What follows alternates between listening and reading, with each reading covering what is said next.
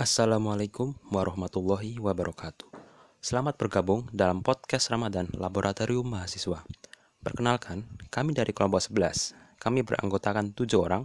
Ada saya, Zaim dari Teknik Lingkungan 2018, kemudian Bagus dari Kedokteran 2019, Aufar dari Teknik Industri 2018, Dava Teknik Mesin 2020, Rusdian Teknik Elektro 2018, Fikri Teknik Kimia 2019, dan Rifki Teknik Kimia 2018.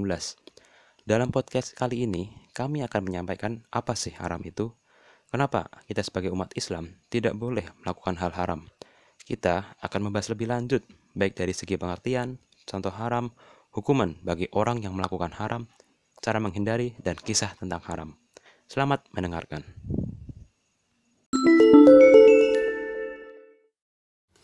Pengertian haram dalam Islam Secara etimologis, haram sendiri itu diambil dari al-humah yang berarti sesuatu yang tidak boleh dilanggar. Lalu haram itu secara bahasanya itu artinya adalah mamnu atau yang dilarang. Nah menurut mazhab Hanafi, hukum haram itu harus didasarkan oleh dalil khati yang tidak mengandung keraguan sedikit pun. Haram sendiri dalam pandangan fikih Islam adalah suatu tindakan yang dilarang dan kita sebagai manusia diminta untuk menghindari dan melakukan haram dan bila melakukan haram akan menyebabkan adanya hukuman yang berat. Haram sendiri adalah salah satu hukum dari lima hukum fikih yang berarti larangan melakukan suatu amalan.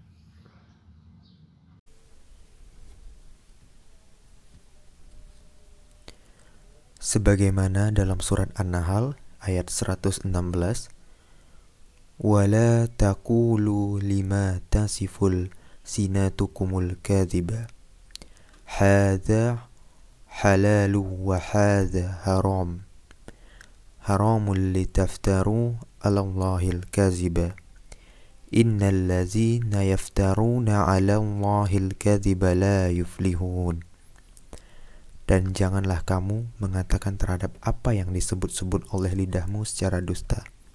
Ini halal dan ini haram. Untuk mengadang-adakan kebohongan terhadap Allah.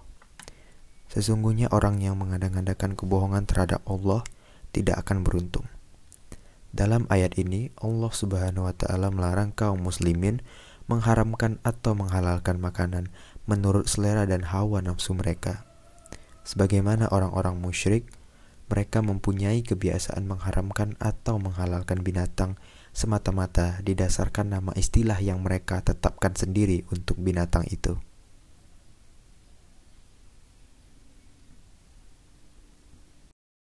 Haram terbagi atas beberapa kategori yang dapat dijabarkan secara singkat dalam empat kategori. Yang pertama ada zati dan arodi.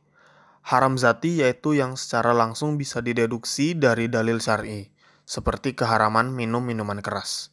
Yang kedua ada syar'i dan akli. Haram syar'i yaitu haram yang ditetapkan melalui dalil syar'i seperti berbohong. Yang ketiga ada nafsi dan ghairi. Haram nafsi yaitu amalan yang diharamkan karena memang pada dasarnya amalan tersebut amalan haram. Seperti membahayakan orang lain yang pada dasarnya ia merupakan perbuatan haram. Yang keempat ada abadi dan ghairi abadi. Haram abadi yaitu haram yang berlaku untuk selamanya. Seperti keharaman menikah dengan ibu mertua. Nah, itu tadi kan kategori-kategori haram. Kalau contoh haram apa saja? Untuk contoh haram ada banyak, di antaranya ada gibah, memfitnah, berbohong, menghina orang lain, minum minuman keras, boros, mencuri, memakan bangkai, mengumpat, memata-matai, dan berzina. Lalu, dalam dunia bisnis juga ada hal haram yang tidak boleh dilakukan. Dalam fikih muamalah sudah dijelaskan kalau perbuatan atau aktivitas bisnis dapat dikategorikan haram. Di antaranya, zolim, riba, hati-hati nih, di Indonesia banyak yang menggunakan sistem riba. Perjudian, penipuan, ini juga sering marak di Indonesia dan korbannya sudah banyak. Memperjualbelikan barang haram, maksiat, maksudnya tuh uang dari hasil perbuatan maksiat seperti uang hasil pelacuran. Sahabat Lab Myers, tahukah kalian bahwa Rasulullah Shallallahu Alaihi Wasallam menyamakan dosa riba dengan zina? Menurut salah satu hadis yang berbunyi, satu dirham uang riba yang dimakan oleh seorang dalam keadaan mengetahui bahwa itu adalah uang riba, dosanya lebih besar daripada berzina sebanyak 36 kali. Hadis riwayat Ahmad. dari Abdullah bin Hazallah dan dinilai sahih oleh Albani dalam sahihnya Al-Jami nomor 3375. Nauzubillah min zalik. Semoga kita semua terhindar dari riba.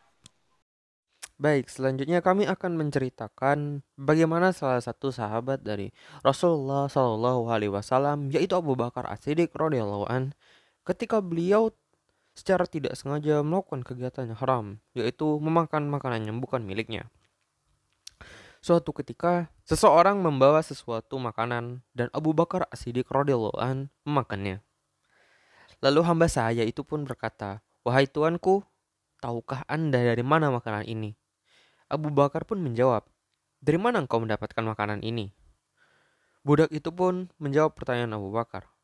Dahulu saya pernah berlagak seperti orang pintar atau dukun. Padahal saya tidak pandai ilmu perdukunan. Saya hanya menipunya. Lalu di kemudian hari dia menjumpaiku dan memberikan upah kepadaku. Makanan yang tadi Anda makan adalah bagian pemberian tersebut. Mendengar jawaban dari budak tersebut, Abu Bakar pun langsung memasukkan jarinya ke mulutnya sampai ia memuntahkan semua makanan yang beliau makan barusan. Masya Allah, sahabat Rasulullah SAW ini sampai melakukan hal seperti itu karena sangat takut terhadap hal-hal yang haram. Bagaimana dengan kita? Ini menjadi cerminan diri kita masing-masing ya, sahabat Lab Myers.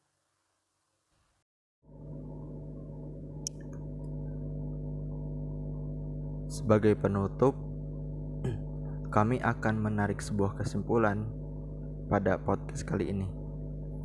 Kita diperintahkan untuk memakan yang halal dan menjauhi yang haram sebagaimana dalam sebuah hadis Nabi Shallallahu alaihi wasallam yang berbunyi Ya Allah cukupkanlah aku dengan hal yang halal dan jauhkanlah aku dari yang haram dan cukupkanlah aku dengan karuniamu dari bergantung pada selainmu. Hadis riwayat Tirmizi nomor 3563 kalau hal halal dan haram tidak kita diperhatikan dampaknya akan begitu luar biasa. Apalagi bila melakukan hal yang haram seperti mengambil harta yang haram atau korupsi, maka badannya berhak disentuh oleh api neraka. Dalam sebuah hadis Nabi Shallallahu Alaihi Wasallam yang berbunyi, wahai Kaab bin Ujrah, sesungguhnya daging badan yang tumbuh berkembang dari suatu yang haram, maka akan berhak dibakar oleh api neraka. Hadis riwayat Tirmizi nomor 614. Maka dari itu, kita diwajibkan untuk menghindari yang haram karena bila kita melakukan hal yang haram, maka kita akan dimasukkan ke dalam api neraka. Na'udzubillahi min zalik. Semoga kita semua tidak termasuk ke dalam golongan tersebut. Sekian dari kelompok 11. Terima kasih sudah mendengarkan podcast kami sampai akhir. Apabila dalam penyampaian podcast ini masih ada kekurangan dan kesalahan, kami mohon dimaafkan. Wabillahi taufiq wal hidayah. Wassalamualaikum warahmatullahi wabarakatuh.